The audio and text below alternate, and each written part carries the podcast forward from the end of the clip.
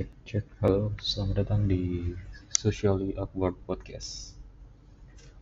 Dan kali ini saya akan sharing tentang buku berjudul The Psychology of Money, tulisan dari Morgan Housel. Ya. Sedikit tentang Morgan Housel. Morgan Housel adalah uh, partner, currently dia partner dari The Collaborative Fund, itu adalah investment firm. Dan sebelumnya dia juga uh, penulis kolumnis penulis kolom di The Wall Street Journal dan juga The Motley Fool. Uh, dan juga dia juga pernah memenangkan beberapa penghargaan di antaranya Best in Business Award dari Society of American Business Editors and Writers juga pemenang dari New York Times Sydney Award dan beberapa gelar lainnya. Kemudian beberapa hal penting tentang buku ini yang pertama di antaranya mengingatkan tentang perbedaan keputusan finansial tiap orang yang dipengaruhi oleh banyak faktor personal maupun internal maupun eksternal. Kemudian juga mengingatkan tentang pentingnya menabung, bukan banyaknya tapi konsistensinya. Juga kerendahan hati atau humility. Kemudian juga mengingatkan tentang masa depan yang tidak tentu, maksudnya banyak hal-hal yang akan menjadi kejutan atau unexpected futures yang mana kita harus bersiap dengan kejutan-kejutan tersebut dan menyiapkan uh, safety net uh, untuk keperluan darurat kita. Impresi setelah membaca ini adalah hmm, cukup beberapa hal ada yang membuka mata dan beberapa hal juga sebenarnya common sense tapi bagus untuk diingat-ingatkan berulang kali. Uh, dan nemu buku ini dari uh, Telegram, grup Telegram. Sebenarnya juga pernah dengar ini juga tahun lalu, cuman baru nambah di wishlist, belum sempat kebaca dan akhirnya sekarang selesai baca. Dan kalau ditanya siapa yang harus baca buku ini, di buku ini sendiri dituliskan beberapa kategori usia ya. Yang intinya semua orang dewasa sebaiknya membaca buku ini sedini mungkin. Misalnya yang pertama ketika usia masih 20-an, uh, eh, baca dan uh, praktikkan atau aplikasikan nilai-nilai dari buku ini sebaik mungkin. Kemudian kalau usia 30-an, bacalah dan gunakan nilai-nilai dari buku ini untuk memperbaiki atau menyesuaikan perspektif kita terhadap arti dari sukses dan gagal serta bagaimana meminimalisir penyesalan. Sedangkan di rentang usia 40-an tetap dianjurkan membaca. Masih ada beberapa nilai positif yang dapat diambil dan sedikit disesuaikan dengan uh, kehidupan. Masih ada waktu. Dan jika usia sudah 50-an, seumuran dengan penulisnya, kayak nggak salah, itu tetap dianjurkan untuk baca pelajari hal-hal apa yang mungkin selama ini kita salah melihat dalam hidup. Dan setelah selesai, lalu hadiahkan buku ini ke saudara atau kerabat atau anak yang usianya mulai menginjak 20-an tahun. Ada beberapa top quotes sih dari buku ini sebelum kita go through per bab top quotes pertama yaitu ini bacanya People from different generations raised by different parents who earned different incomes and held and held different values in different parts of the world, born into different economies, experiencing different job markets with different incentives and different degrees of luck, learn very different reason. Ya intinya bahwa semua orang itu punya perbedaan latar belakang masing-masing. Nanti akan dijelaskan di bab satu konteksnya. Kemudian yang kedua adalah word it's word is too complex to allow 100% of your actions to dictate 100% of your outcomes. Ini konteksnya nanti di bab tentang luck dan uh, risk keberuntungan dan resiko. Kemudian yang terakhir margin of safety or you can also call it room for error is the only effective way to safely navigate a world that is governed by odds, not certainties. Nanti konteksnya di chapter 13 ya, ketika bahas bab tentang room for error.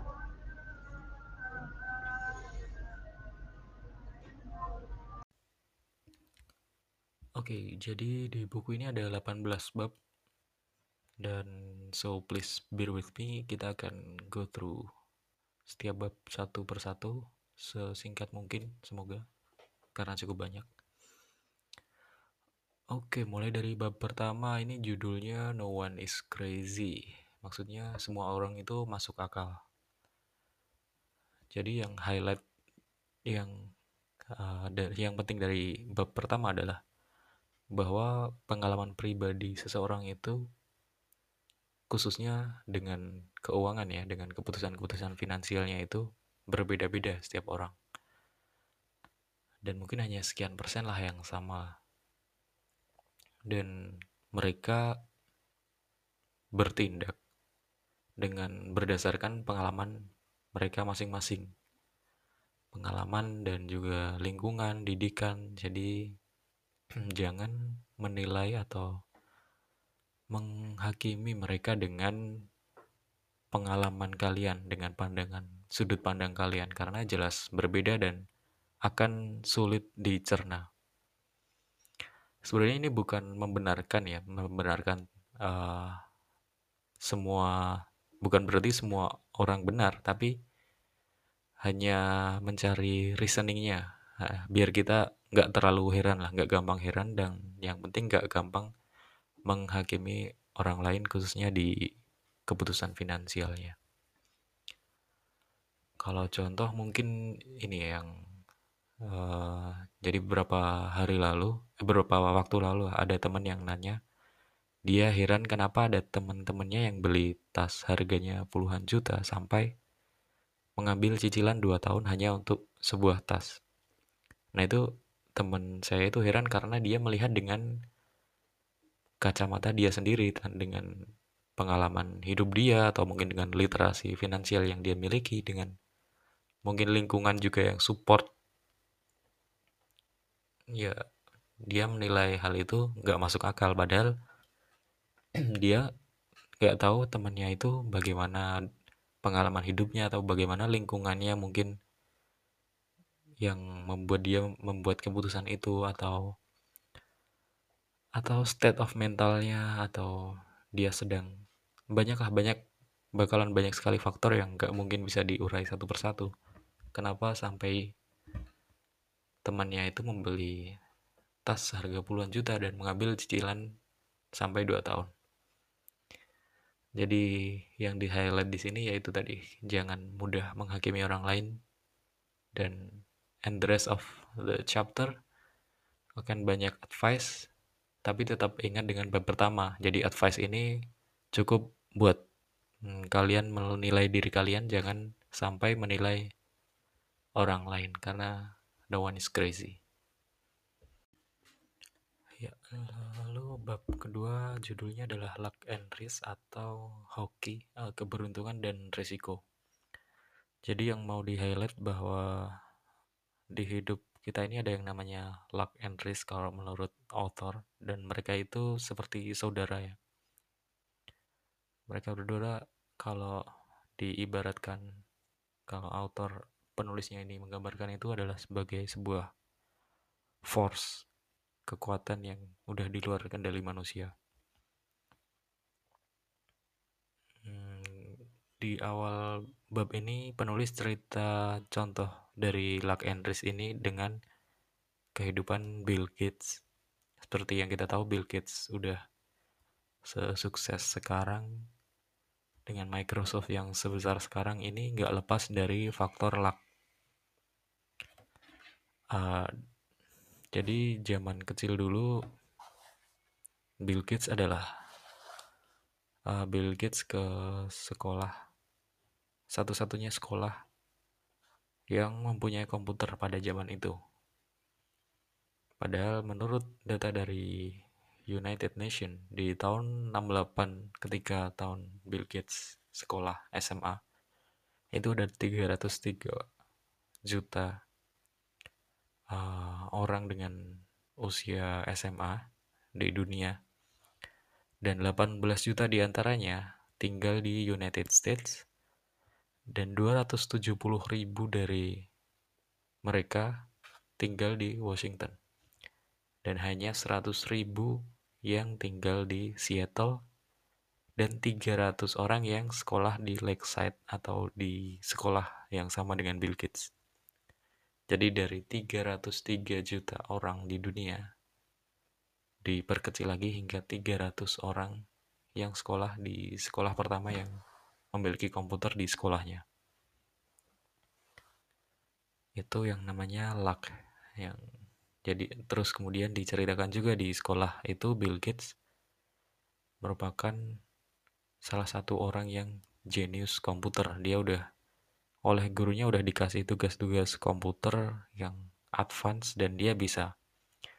Tapi sebenarnya Bill Gates nggak sendirian. Dia ada temen yang sama jeniusnya juga di bidang komputer namanya Ken Evans. Nah, dia dan Bill Gates tuh sudah sejak sekolah udah merencanakan membuat perusahaan maksudnya saking dekatnya mereka setiap hari ngobrol di diskusi dan visi misinya ternyata sama ingin membuat uh, eh, IT company lah dengan level genius kepintaran yang sama. Hmm, kemudian pada sebelum sesaat sebelum kelulusan beberapa bulan atau beberapa tahun lah itu si Ken Evans ini pergi mendaki mountaineering Nah, di saat dia mendaki itu ternyata dia mengalami kecelakaan dan meninggal. Dan akhirnya dia meninggal bahkan sebelum lolos eh sebelum lulus sekolah. Dan disebutkan di sana di di zaman tersebut, di tahun tersebut di Amerika, ada sekitar tiga dosen, tiga, three dozen, tiga lusin kematian akibat kecelakaan ketika mendaki gunung. Jadi mm, the odds uh, chance untuk uh, meninggal dalam pendakian gunung di zaman SMA pada tahun itu adalah satu dari satu juta. Dan ternyata Ken Evans, sahabat Bill Gates yang sejak awalnya udah diskusi untuk membuat company, ternyata berakhir meninggal di gunung tersebut. Jadi, uh, in conclusionnya, Bill Gates itu mengalami one in a million luck by ending up at lakeside yaitu satu-satunya sekolah yang mempunyai komputer pada tahun tersebut. Sedangkan Ken Evans mengalami one in a million risk by never getting to finish. One in a million risk yaitu satu dari sejuta resiko kematian saat mendaki gunung pada tahun itu. Hingga dia tidak dapat lulus sekolah, tidak dapat melanjutkan cita-citanya bersama Bill Gates. Uh, force yang sama tapi dengan uh, force yang sama dengan magnitude yang sama tapi bekerja dengan berbanding terbalik yang satunya luck satunya risk. Mungkin kalau di uh, agama Islam ya ini namanya takdir sih sebenarnya udah di ada penjelasannya juga ada takdir yang merupakan kehendak yang maha berkuasa bahwa ada kehendak lain di luar apa yang dapat kita tentukan.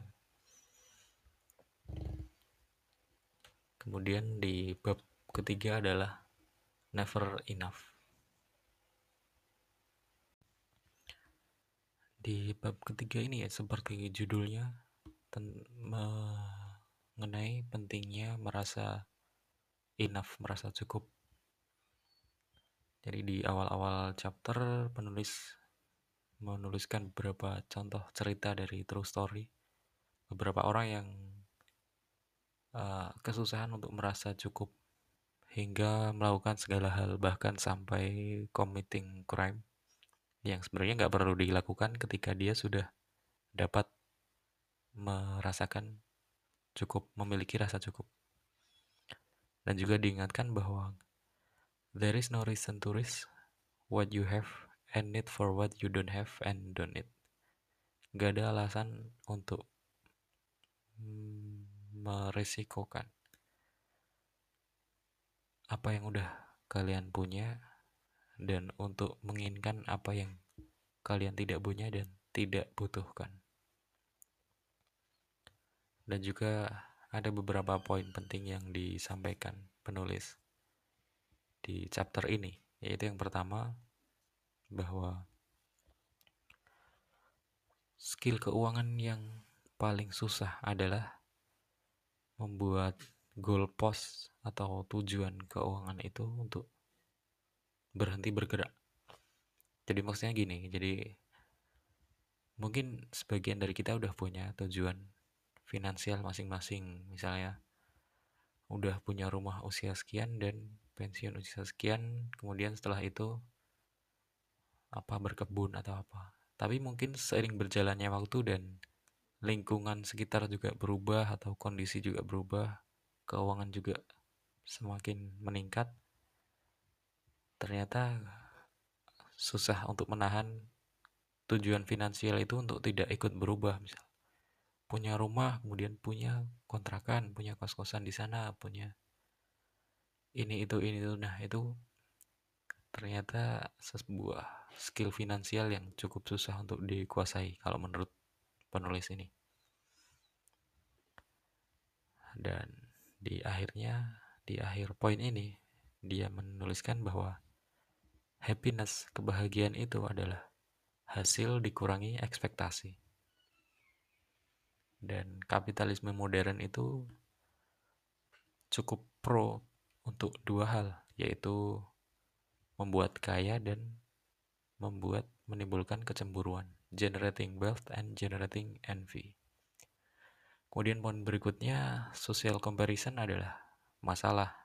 Jadi ada contoh, rookie baseball player, baseball player yang rookie yang masih awal, gajinya sebulan 500 ribu dolar, US dollar, US dollar. Kemudian sebenarnya tuh kalau orang lain lihat udah bisa cukup. Tapi kemudian di tim yang sama ada pemain pro yang sudah 12 tahun bermain. Eh, kontraknya adalah 430 juta setahun. Nah kalau dibandingin si rookie player dengan pemain pro ini kan jauh banget. Berarti kalau dengan dua data ini si rookie player ini termasuk yang uh, bayarnya kecil karena perbandingannya sangat jauh. Nah, mungkin pemain pro ini juga bisa dibandingin lagi dengan pemain lain atau posisi lain dengan gaji yang lebih tinggi lagi dan itu nggak akan ada habisnya. Jadi poinnya adalah the ceiling of social comparison is so high that virtually no one will ever hit it. Atau ujung uh, ujung atap dari social comparison itu sangat tinggi walaupun virtual ya dan tidak akan ada satu orang pun yang akan menyentuhnya. Karena akan saling dibandingkan terus-menerus gak akan ada habisnya.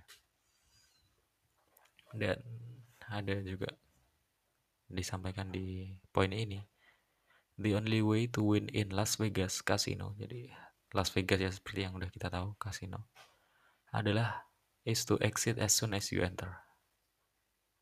Ya itu. Untuk berhenti uh, cara menang di Vegas adalah keluar secepatnya setelah kamu masuk. Karena resikonya akan kecil. Kemudian poin berikutnya adalah enough is not too little. Uh, ya itu dia. Bahwa rasa cukup itu bukan berarti terlalu kecil karena rasa cukup itu sebenarnya udah ya cukup bahkan hal yang mewah juga. Jadi ketika mencapai hal itu jangan ragu untuk untuk berhenti atau untuk lebih mengurangi uh, resiko yang diambil karena kita sudah merasa cukup. Kemudian poin berikutnya ada there are many things never worth risking no matter the potential gain. Ada hal banyak yang ada banyak hal yang tidak akan hmm, sepadan untuk di di sepadan untuk dibuang lah untuk sepadan dengan resikonya. Tidak peduli seberapapun pendapatan potensial yang didapatkan. Ada beberapa hal yang nggak pantas untuk nggak pantas untuk dilemparkan. Nggak peduli seberapa potensial hasil yang akan didapatkan. Ya itu dari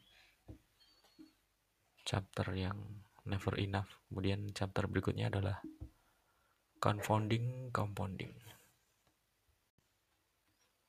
Ya di chapter 4 ini sesuai judulnya kan mostly membahas tentang compound compounding ya. Di awal dituliskan bahwa sebuah fakta menarik tentang Warren Buffett atau ya yang kita kenal sebagai bapak investasi lah. Itu bahwa 81,5 billion dollars dari kekayaan Warren Buffett saat ini yaitu 84,5 billion dollars itu datang setelah usianya 65 tahun. Jadi sebelum 65 kekayaannya uh, 3 3 billion dollars, 3 billion dollars.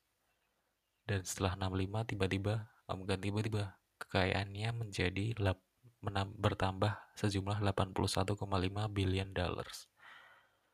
Nah itu kalau nggak memahami apa itu compound interest, apa itu compounding, itu akan sangat absurd, akan sangat nggak masuk akal. Nah dari fakta kecil itu dielaborasi lagi di dalam chapter ini tentang pentingnya konsistensi ketika kita melakukan investasi ya khususnya. Karena Warren, Warren Buffett ini bisa saja menjadi investor yang biasa pada umumnya jika tidak karena konsistensinya atau uh, longevity, kontinuitasnya dalam berinvestasi. Karena investasi ketika dilakukan dengan benar itu akan membosankan. Karena komposisi utama dari uh, pertumbuhan sebuah portofolio investasi adalah waktu sesuai prinsip dari compounding ini. Ini yang dituliskan oleh Morgan Housel ya. Uh, kemudian sepertinya ini cukup singkat memang karena memang singkat juga di bukunya. Namun di bab berikutnya menurut saya sepaket uh, bersinambungan dengan bab ini yaitu bab selanjutnya berjudul Getting Wealthy versus Staying Wealthy. Mengapa uh, bersambung? Karena masih membahas tentang good investing. Kalau di bab sebelumnya tentang compounding itu tentang waktu yaitu seberapa lama kita melakukan investasi, maka di bab kelima tentang bagaimana kita bertahan dari ups and downs di dunia investing ini. Karena good investing kalau menurut Morgan Housel ya, good investing itu nggak melulu tentang membuat uh, keputusan-keputusan uh, yang bagus, tapi adalah tentang konsistensi untuk tidak membuat keputusan-keputusan yang buruk. It's about consistently not screwing up. Because more than big returns, be financially unbreakable. If you are unbreakable, you actually will get the biggest result, biggest returns. Jadi selain berusaha mendapatkan return yang tinggi, tapi juga mencobalah untuk financially unbreakable, untuk gak gampang gak gampang hancur finansialnya dalam ketika uh, mengatur keuangan khususnya dalam hal investasi. Karena seperti yang kita tahu dunia sangat berubah-ubah dan banyak hal-hal yang tidak terprediksi yang terjadi. Jadi lakukan uh, lakukanlah uh, manajemen keuangan dengan sebaik mungkin agar tidak uh, agar tetap bertahan.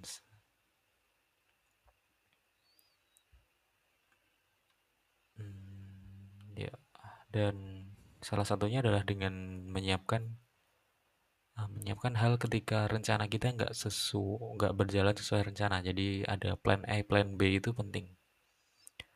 Dan juga disebutkan bahwa ketika kita uh, ketika perencanaan ke perencanaan keuangan kita itu terlalu spesifik misalnya untuk mencapai untuk dapat bertahan hidup lah. Misal untuk dapat bertahan hidup sampai usia sekian dan pensiun di usia sekian, saya harus mendapatkan return per bulan itu 8% harus segitu. Kalau turun 1% kalau 7% udah kita nggak bisa bertahan hidup. Nah itu kalau terlalu spesifik seperti itu biasanya resiko gagalnya emang lebih besar jadi akan lebih baik ketika dicontohkan di buku ini misal goal untuk mencapai goal finansial saya, saya return per bulan atau per tahun yang harus saya dapatkan adalah 8%.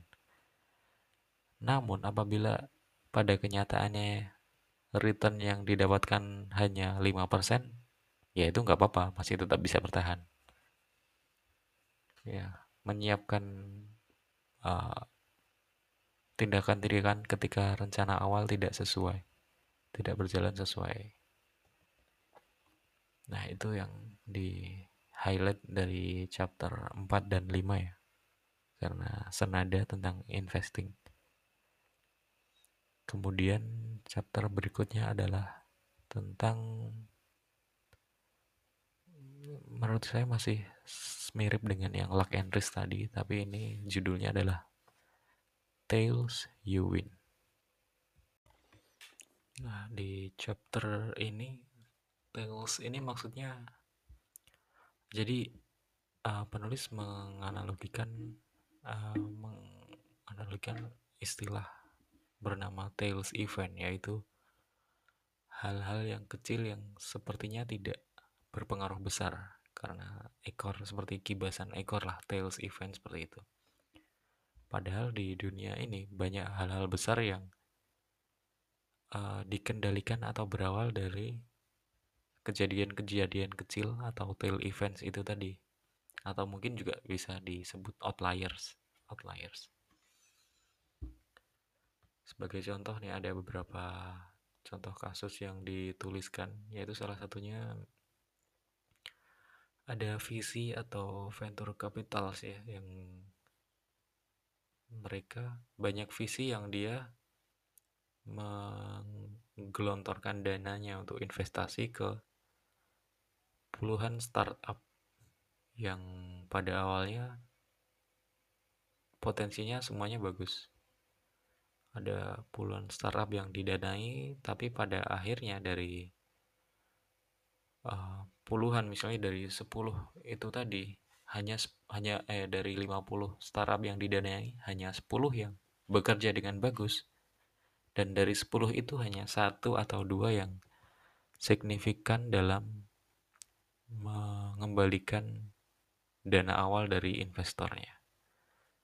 Nah, dua dari 10 dan dari 50 ini adalah tail events yang dimaksud si penulis kenapa harus mengetahui hal ini ya ya biar nanti kita ke depannya akan tidak heran lagi ketika gagal dalam bisnis atau dalam keputusan atau dalam manajemen finansial melakukan keputusan-keputusan yang salah. Itu hal yang normal lah. Jadi biar kita nggak cepet uh, patah semangat atau kecewa, heran. Karena semua itu hal yang normal. Dan termasuk juga dianalogikan seperti uh, komedian ya. Mereka mungkin melempar banyak jokes, tapi hanya satu atau dua yang berhasil. Tapi itu membuat hmm, show-nya berkesan. Nah, itu kan termasuk tail event juga. Dari banyak-banyak jokes tapi hanya satu dua yang berkesan tapi ternyata pecah. Nah, itu yang memorable dan menjadi komediannya uh, show-nya dia sukses. Nah, contohnya seperti itu. Oke, okay, uh, kemudian di chapter berikutnya ya lanjut ada chapter 7 judulnya Freedom. Nah, di chapter Freedom ini ini chapter yang cukup singkat dan uh, ini jelaslah poin yang ingin disampaikan yaitu bahwa dapat mengendalikan waktu waktu kita sendiri maksudnya kita bebas untuk menentukan apa yang kita lakukan di waktu-waktu yang tersedia itu adalah eh, hasil tertinggi atau atau dividen tertinggi yang dapat dihasilkan oleh uang. Karena pada dasarnya uh, setiap orang itu banyak yang ingin menjadi kaya karena uh, ingin membuat lebih bahagia. Dan kebahagiaan atau happiness ini sebenarnya sangat rumit karena subjektif tergantung pribadi masing-masing ya. Jadi berbeda nggak bisa ditakar sama. Tapi menurut penulis ada jika ada hal yang sama dari uh, parameter kebahagiaan dari setiap orang maka hal tersebut adalah uh, kemerdekaan, kebebasan mereka untuk dapat melakukan apa pun atau mengendalikan apa pun di hidupnya, termasuk hmm, waktu yang mereka miliki. Nah itu sih uh, poin yang penting dari chapter ini. Kemudian chapter berikutnya adalah chapter 8 ini yang cukup menarik juga. Judulnya Man in the Car Paradox.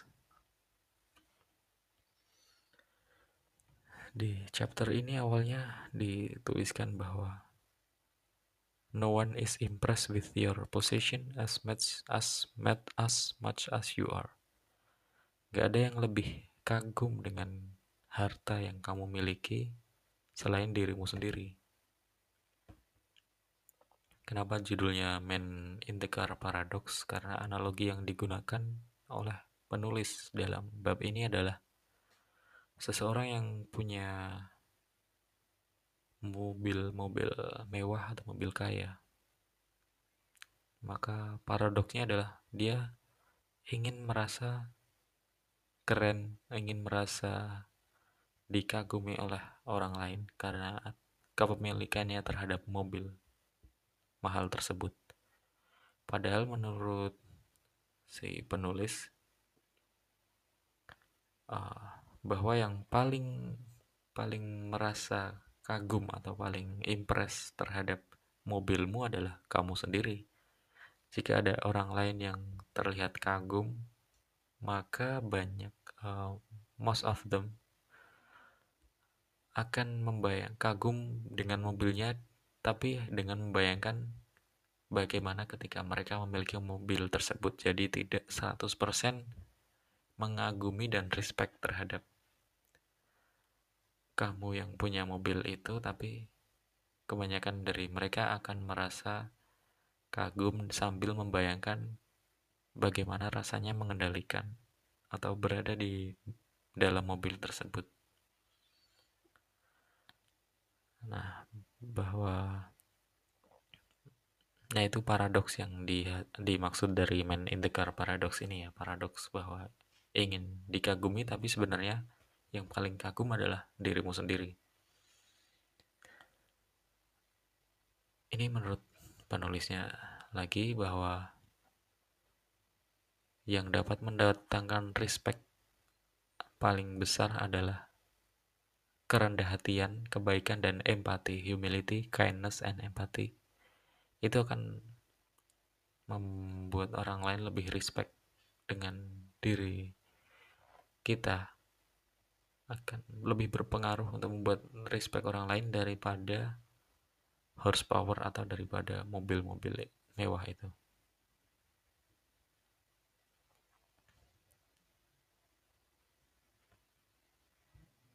jadi ya itu tadi karena pesan moralnya adalah ronda hati kindness uh, baik hati dan empati lebih diutamakan daripada memiliki hal-hal mewah hanya untuk mendapatkan respect ya kemudian di chapter berikutnya adalah chapter 9 wealth is what you don't see Nah, the maksud dari judul ini adalah bahwa kekayaan itu sebenarnya apa yang nggak bisa kita lihat. Ada contoh kasus di uh, contoh cerita di buku ini adalah seseorang ketika mempunyai mobil yang seharga 100 ribu dolar itu kita nggak bisa menilai wah orang itu kaya dia punya harta senilai 100 ribu dolar. Tapi kita tidak tahu di belakangnya itu bagaimana. Mungkin ya justru kekayaannya itu berkurang 100 ribu dolar atau malah dia memiliki hutang tambahan senilai 100 ribu dolar. Nah hal-hal tersebut yang nggak bisa kita miliki eh nggak bisa kita ketahui dari orang tersebut.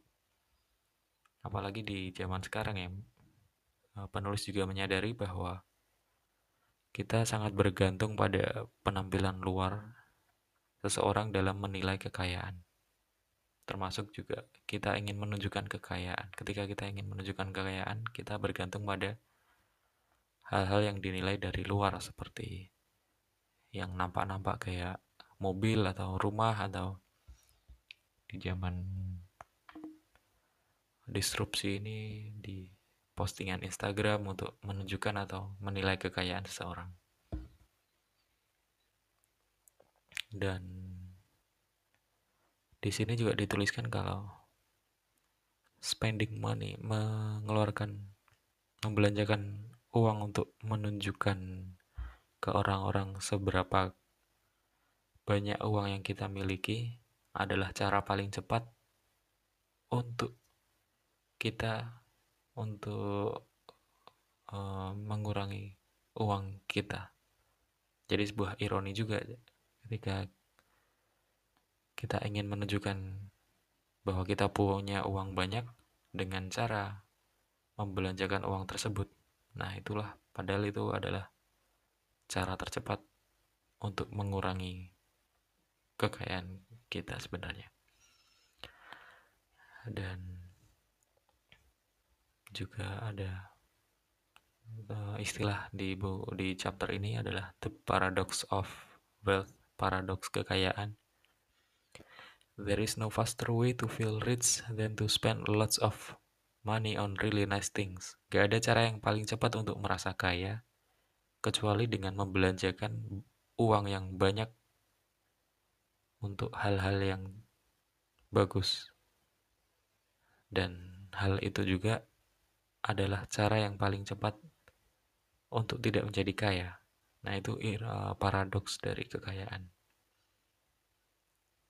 Jadi ya udah bisa kita simpulkan juga nilai yang diambil dari chapter ini.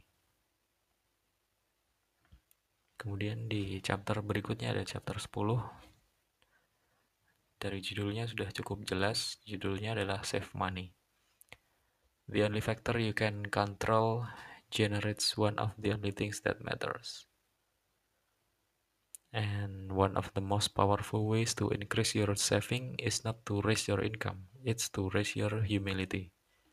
Don't spend money to show you have money. Saving equal to income minus ego.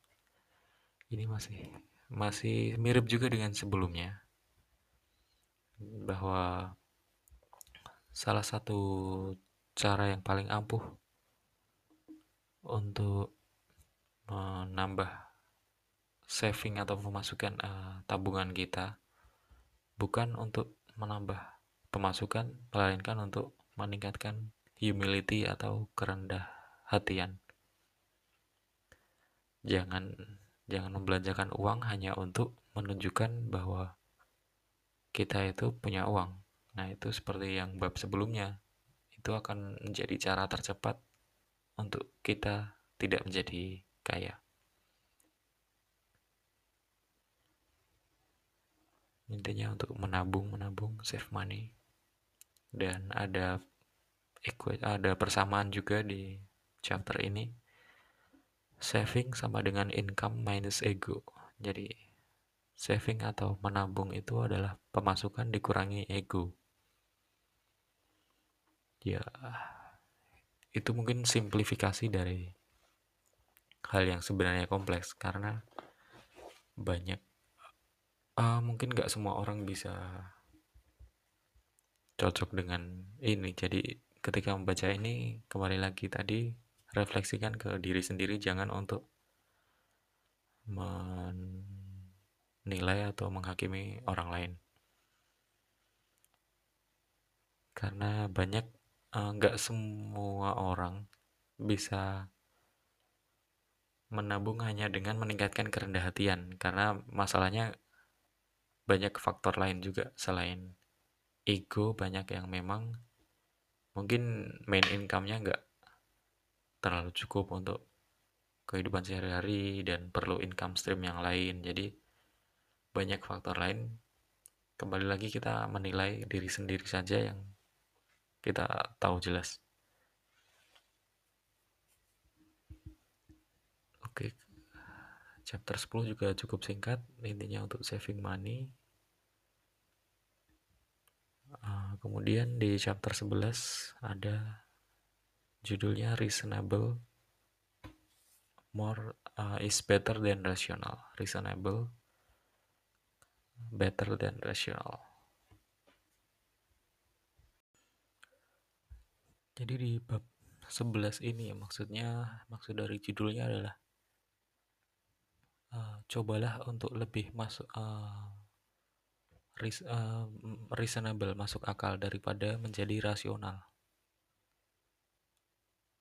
Hmm, yang dimaksud masuk akal adalah lebih terbuka terhadap pendapat atau kondisi sekitar daripada rasional itu kaku atau terlalu terpaku pada angka-angka yang sangat ideal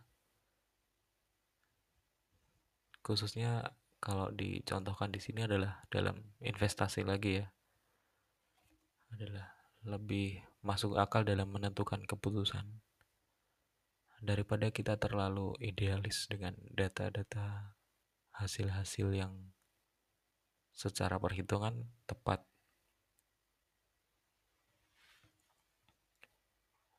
Kemudian juga ya sebenarnya poin yang penting itu tadi sih untuk mengadopsi strategi reasonable strategi ya, bukan ultra rasional atau sangat idealis. Uh, lebih baik untuk stick to the plan, untuk tetap sesuai rencana yang memang mampu kita jalankan, memang yang masuk akal untuk kita jalankan daripada rencana yang terlihat sangat perfect, sangat sempurna di di Excel, di spreadsheet, tapi tidak cukup masuk akal untuk dijalankan. Ini juga chapternya cukup singkat. Jadi lanjut ke chapter 12, judulnya Surprise.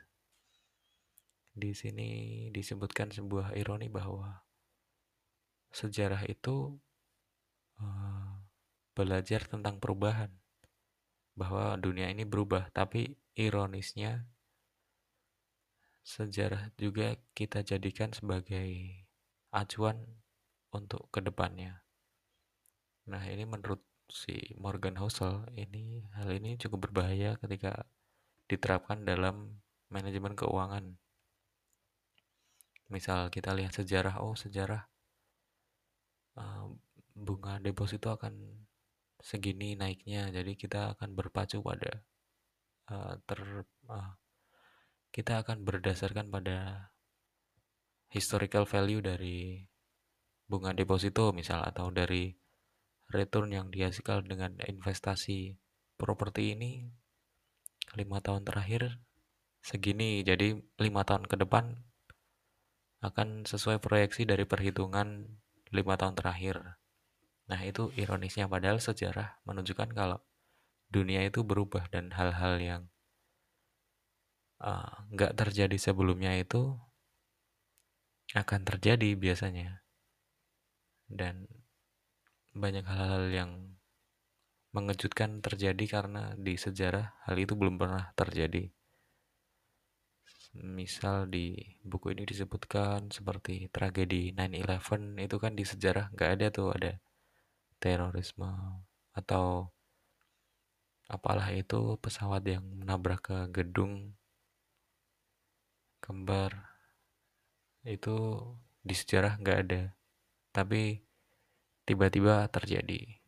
Dan juga ini tidak disebutkan penulis tapi bisa kita ambil contoh pandemi kali ini ya COVID-19 ini di sejarah mungkin nggak ada tuh ya ada tapi berbeda lah Spanish flu yang udah zaman lama mungkin kita akan nggak akan kepikiran di zaman yang cukup maju ini akan ada penyakit yang dapat menular seberbahaya ini dan sesusah ini untuk dikendalikan. Dan itu ternyata terjadi. Nah, seperti itu yang dimaksudkan di buku ini bahwa kejutan-kejutan itu biasanya terjadi maka merencanakan keuangan juga harus mempertimbangkan hal-hal ini. Maka dari itu chapter ini juga cukup berkesinambungan dengan chapter berikutnya yang akan menunjukkan bagaimana cara menghadapi kejutan-kejutan kejutan-kejutan yang akan terjadi di masa depan. Yaitu di chapter 13 yang judulnya Room for Error atau uh, space atau ruang untuk uh, kesalahan ya. Jadi highlightnya adalah uh, bagian terpenting dari setiap rencana adalah merencanakan ketika rencanamu tidak berjalan sesuai rencana. Jadi ya seperti di bab sebelumnya tadi bahwa hampir pasti akan terjadi hal-hal yang di luar rencana hmm, yang akan tentunya mempengaruhi rencana kita khususnya di rencana keuangan. Maka dari itu sejak awal kita harus menyiapkan uh, room for error atau juga disebut juga margin of safety agar ketika terjadi hal-hal yang di luar rencana itu kita tidak akan terlalu jatuh atau unbreakable secara finansial. di chapter ini juga disebutkan istilah margin of safety tadi, yaitu satu-satunya jalan yang efektif untuk uh, menjalani hidup yang terlalu banyak hal-hal di luar uh, kepastian ya. Jadi uh, untuk ya ini untuk menjalani hidup yang tidak tidak sangat tidak pasti ini kita satu-satunya jalan yang aman kita harus menyediakan margin of safety.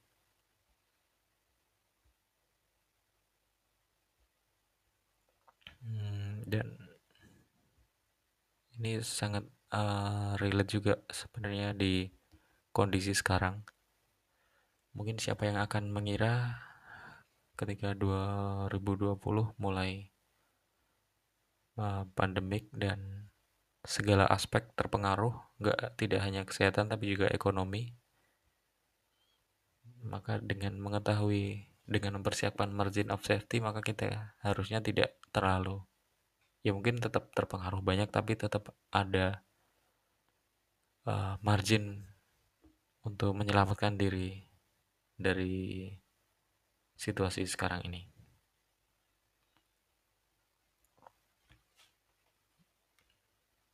Kemudian di chapter berikutnya judulnya You Will Change. Dan di lanjut ke chapter berikutnya ada 14 ini judulnya You Will Change. Maksudnya adalah setiap orang itu akan berubah seiring berjalannya waktu. Maka dari itu uh, perencanaan jangka panjang adalah hal yang sebenarnya sangat susah dibandingkan apa yang kita pikirkan. Dan menurut penulis juga bahwa orang-orang itu adalah hmm, peramal atau pemprediksi terburuk dari masa depan mereka sendiri. Untuk membayangkan sebuah goal finansial, tujuan finansial itu mungkin dari awal kita membuatnya itu mudah. Misal di awal kita tujuan finansialnya adalah pensiun usia 50 dan memiliki rumah berkebun. Nah itu mudah mungkin kita bayangkan saat membuat tujuan awal tapi seiring berjalannya waktu membayangkan hal itu dengan uh, realitas yang juga berubah mungkin akan semakin susah lagi Misal ternyata di usia 40 sudah merasa cukup atau malah di usia mendekati 50 masih ada hal yang hal lain yang dibutuhkan. Nah, itulah susahnya dalam menjaga konsistensi tujuan finansial. Dan kalau memang harus berubah, maka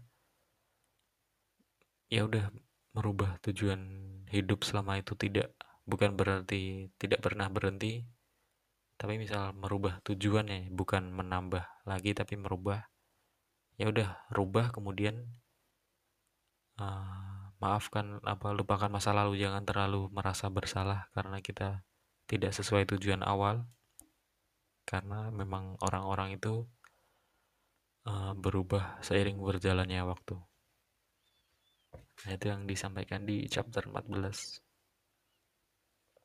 Kemudian di chapter 15 judulnya Nothing is Free. Ini cukup singkat juga dituliskan bahwa semua hal itu memiliki harganya. Tapi tidak semua harga nampak di label. Maksudnya semua semua hal itu ada costnya, ada biayanya, tapi tidak semuanya itu biaya berupa uang atau harga yang di label. Eh, contohnya atau yang ingin disampaikan yang berkaitan dengan keuangan adalah tentang investasi juga. Si penulis menyebutkan bahwa investasi itu ada ada biayanya, cuman harganya bukan mata uang, mata uang dolar atau sen, tapi biaya yang harus dibayarkan adalah rasa cemas, uh, volatility, ketidakpastian, keraguan, ke penyesalan yang semuanya harus kita kita tanggung dalam melakukan selama kita menjalankan investasi. Dan jangan sangka kalau kerugian dari investasi itu sebagai denda, tapi anggaplah itu sebagai biaya pendaftaran atau biaya dari investasi ini, bagian biaya dari investasi. Maka dengan demikian uh, akan membantu kita untuk merasa tidak merasa bersalah dan tetap bertahan di investasi tersebut. Nah, itu yang disampaikan penulis di bab 15. Kemudian di bab 16 judulnya adalah You and Me, kamu dan aku.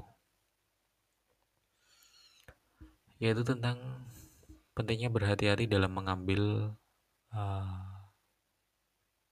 petuah, petunjuk atau nasihat finansial dari orang-orang yang uh, berbeda pengalaman dengan kita. Uh, di sini disebutkan berbeda dalam permainan atau game ya, different game. They are playing different game than you are. Karena di permainan finansial ini, di financial game ini, parameter yang fundamental adalah waktu aksis waktu ya atau time horizon. Jadi jangan pernah menyalin apa yang orang lain lakukan tapi dengan uh, faktor waktu yang berbeda, berbeda dengan kalian. Jadi misal ada si A dia investasi di bidang X tapi mulainya sudah sejak tahun lalu dan si B ingin menyalin, ingin ikut-ikut fin investasi di bidang X juga mulai dari tahun sekarang. Karena dia melihat si A udah return yang dihasilkan udah banyak. Nah, itu yang harus diwaspadai karena perbedaan waktu dalam mulai investasi sangat berpengaruh dalam return yang dihasilkan. Itu di chapter 16. Kemudian chapter 17 adalah Seduction of Pessimism. Jadi di chapter 17 ini uh, disebutkan bahwa optimisme itu terasa seperti sales yang sedang menawarkan barangnya. Dia akan menyebutkan hal-hal yang baik akan terjadi. Kemudian Sementara itu, pesimisme itu terdengar seperti seseorang yang ingin menolongmu dari hal-hal yang buruk karena dia selalu membayangkan atau menunjukkan hal-hal uh, buruk yang akan terjadi. Dan kenapa di judul disebut Seduction of Pessimism? Jadi dijelaskan di akhir chapter juga bahwa pesimisme itu mengurangi ekspektasi dan memperkecil jarak antara uh, hasil yang mungkin terjadi dengan hasil yang dapat membuat kita merasa cukup. Jadi mengapa pesimisme itu menjadi merasa uh, menarik atau sedaktif? Karena untuk berekspektasi suatu hal terjadi berekspektasi bahwa suatu hal akan gagal atau akan menjadi buruk itu adalah cara terbaik untuk kita merasa terkejut bahagia ketika hal tersebut ternyata tidak buruk. Jadi cukup tidak buruk aja, tidak perlu menjadi sangat baik. Untuk hal itu tidak buruk aja sudah membuat kita merasa terkejut bahagia. Jadi mengapa penulis menganggap pesimisme itu sedaktif? Kemudian chapter berikutnya adalah When You Will Believe Anything. Nah, maksud dari judul di chapter 18 adalah hmm, banyak dari kita yang terlalu mudah percaya dari cerita atau mungkin prediksi atau pernyataan-pernyataan fiksi yang tidak nyata tapi appealing, sangat menarik. Dan cerita tersebut bahkan lebih kuat pengaruhnya dari statistik yang sudah ada. Dan uh, ada psikologis namanya Philip Tetlock. Itu menyebutkan bahwa kita itu butuh untuk percaya kalau kita itu hidup di dunia yang predictable, yang mudah diprediksi, yang mudah dikendalikan, maka hal itulah yang membuat kita lebih mudah percaya dengan pernyataan orang-orang yang memberi janji akan memenuhi kebutuhan kita tersebut. Karena kita terlalu ingin untuk membuat dunia ini masuk akal. Trying to make sense of the world. Padahal disebutkan juga bahwa uh, illusion of control atau ilusi untuk ilusi kendali bahwa kita dapat mengendalikan hal-hal di dunia ini itu sangat persuasif daripada kenyataan yang tidak pasti. Jadi kita akan lebih memilih untuk percaya bahwa kita dapat mengendalikan semua yang terjadi daripada mempercayai bahwa dunia ini banyak ketidakpastian. Dari hal itulah maka kita lebih percaya dari cerita yang menyebutkan bahwa kita dapat mengendalikan semuanya.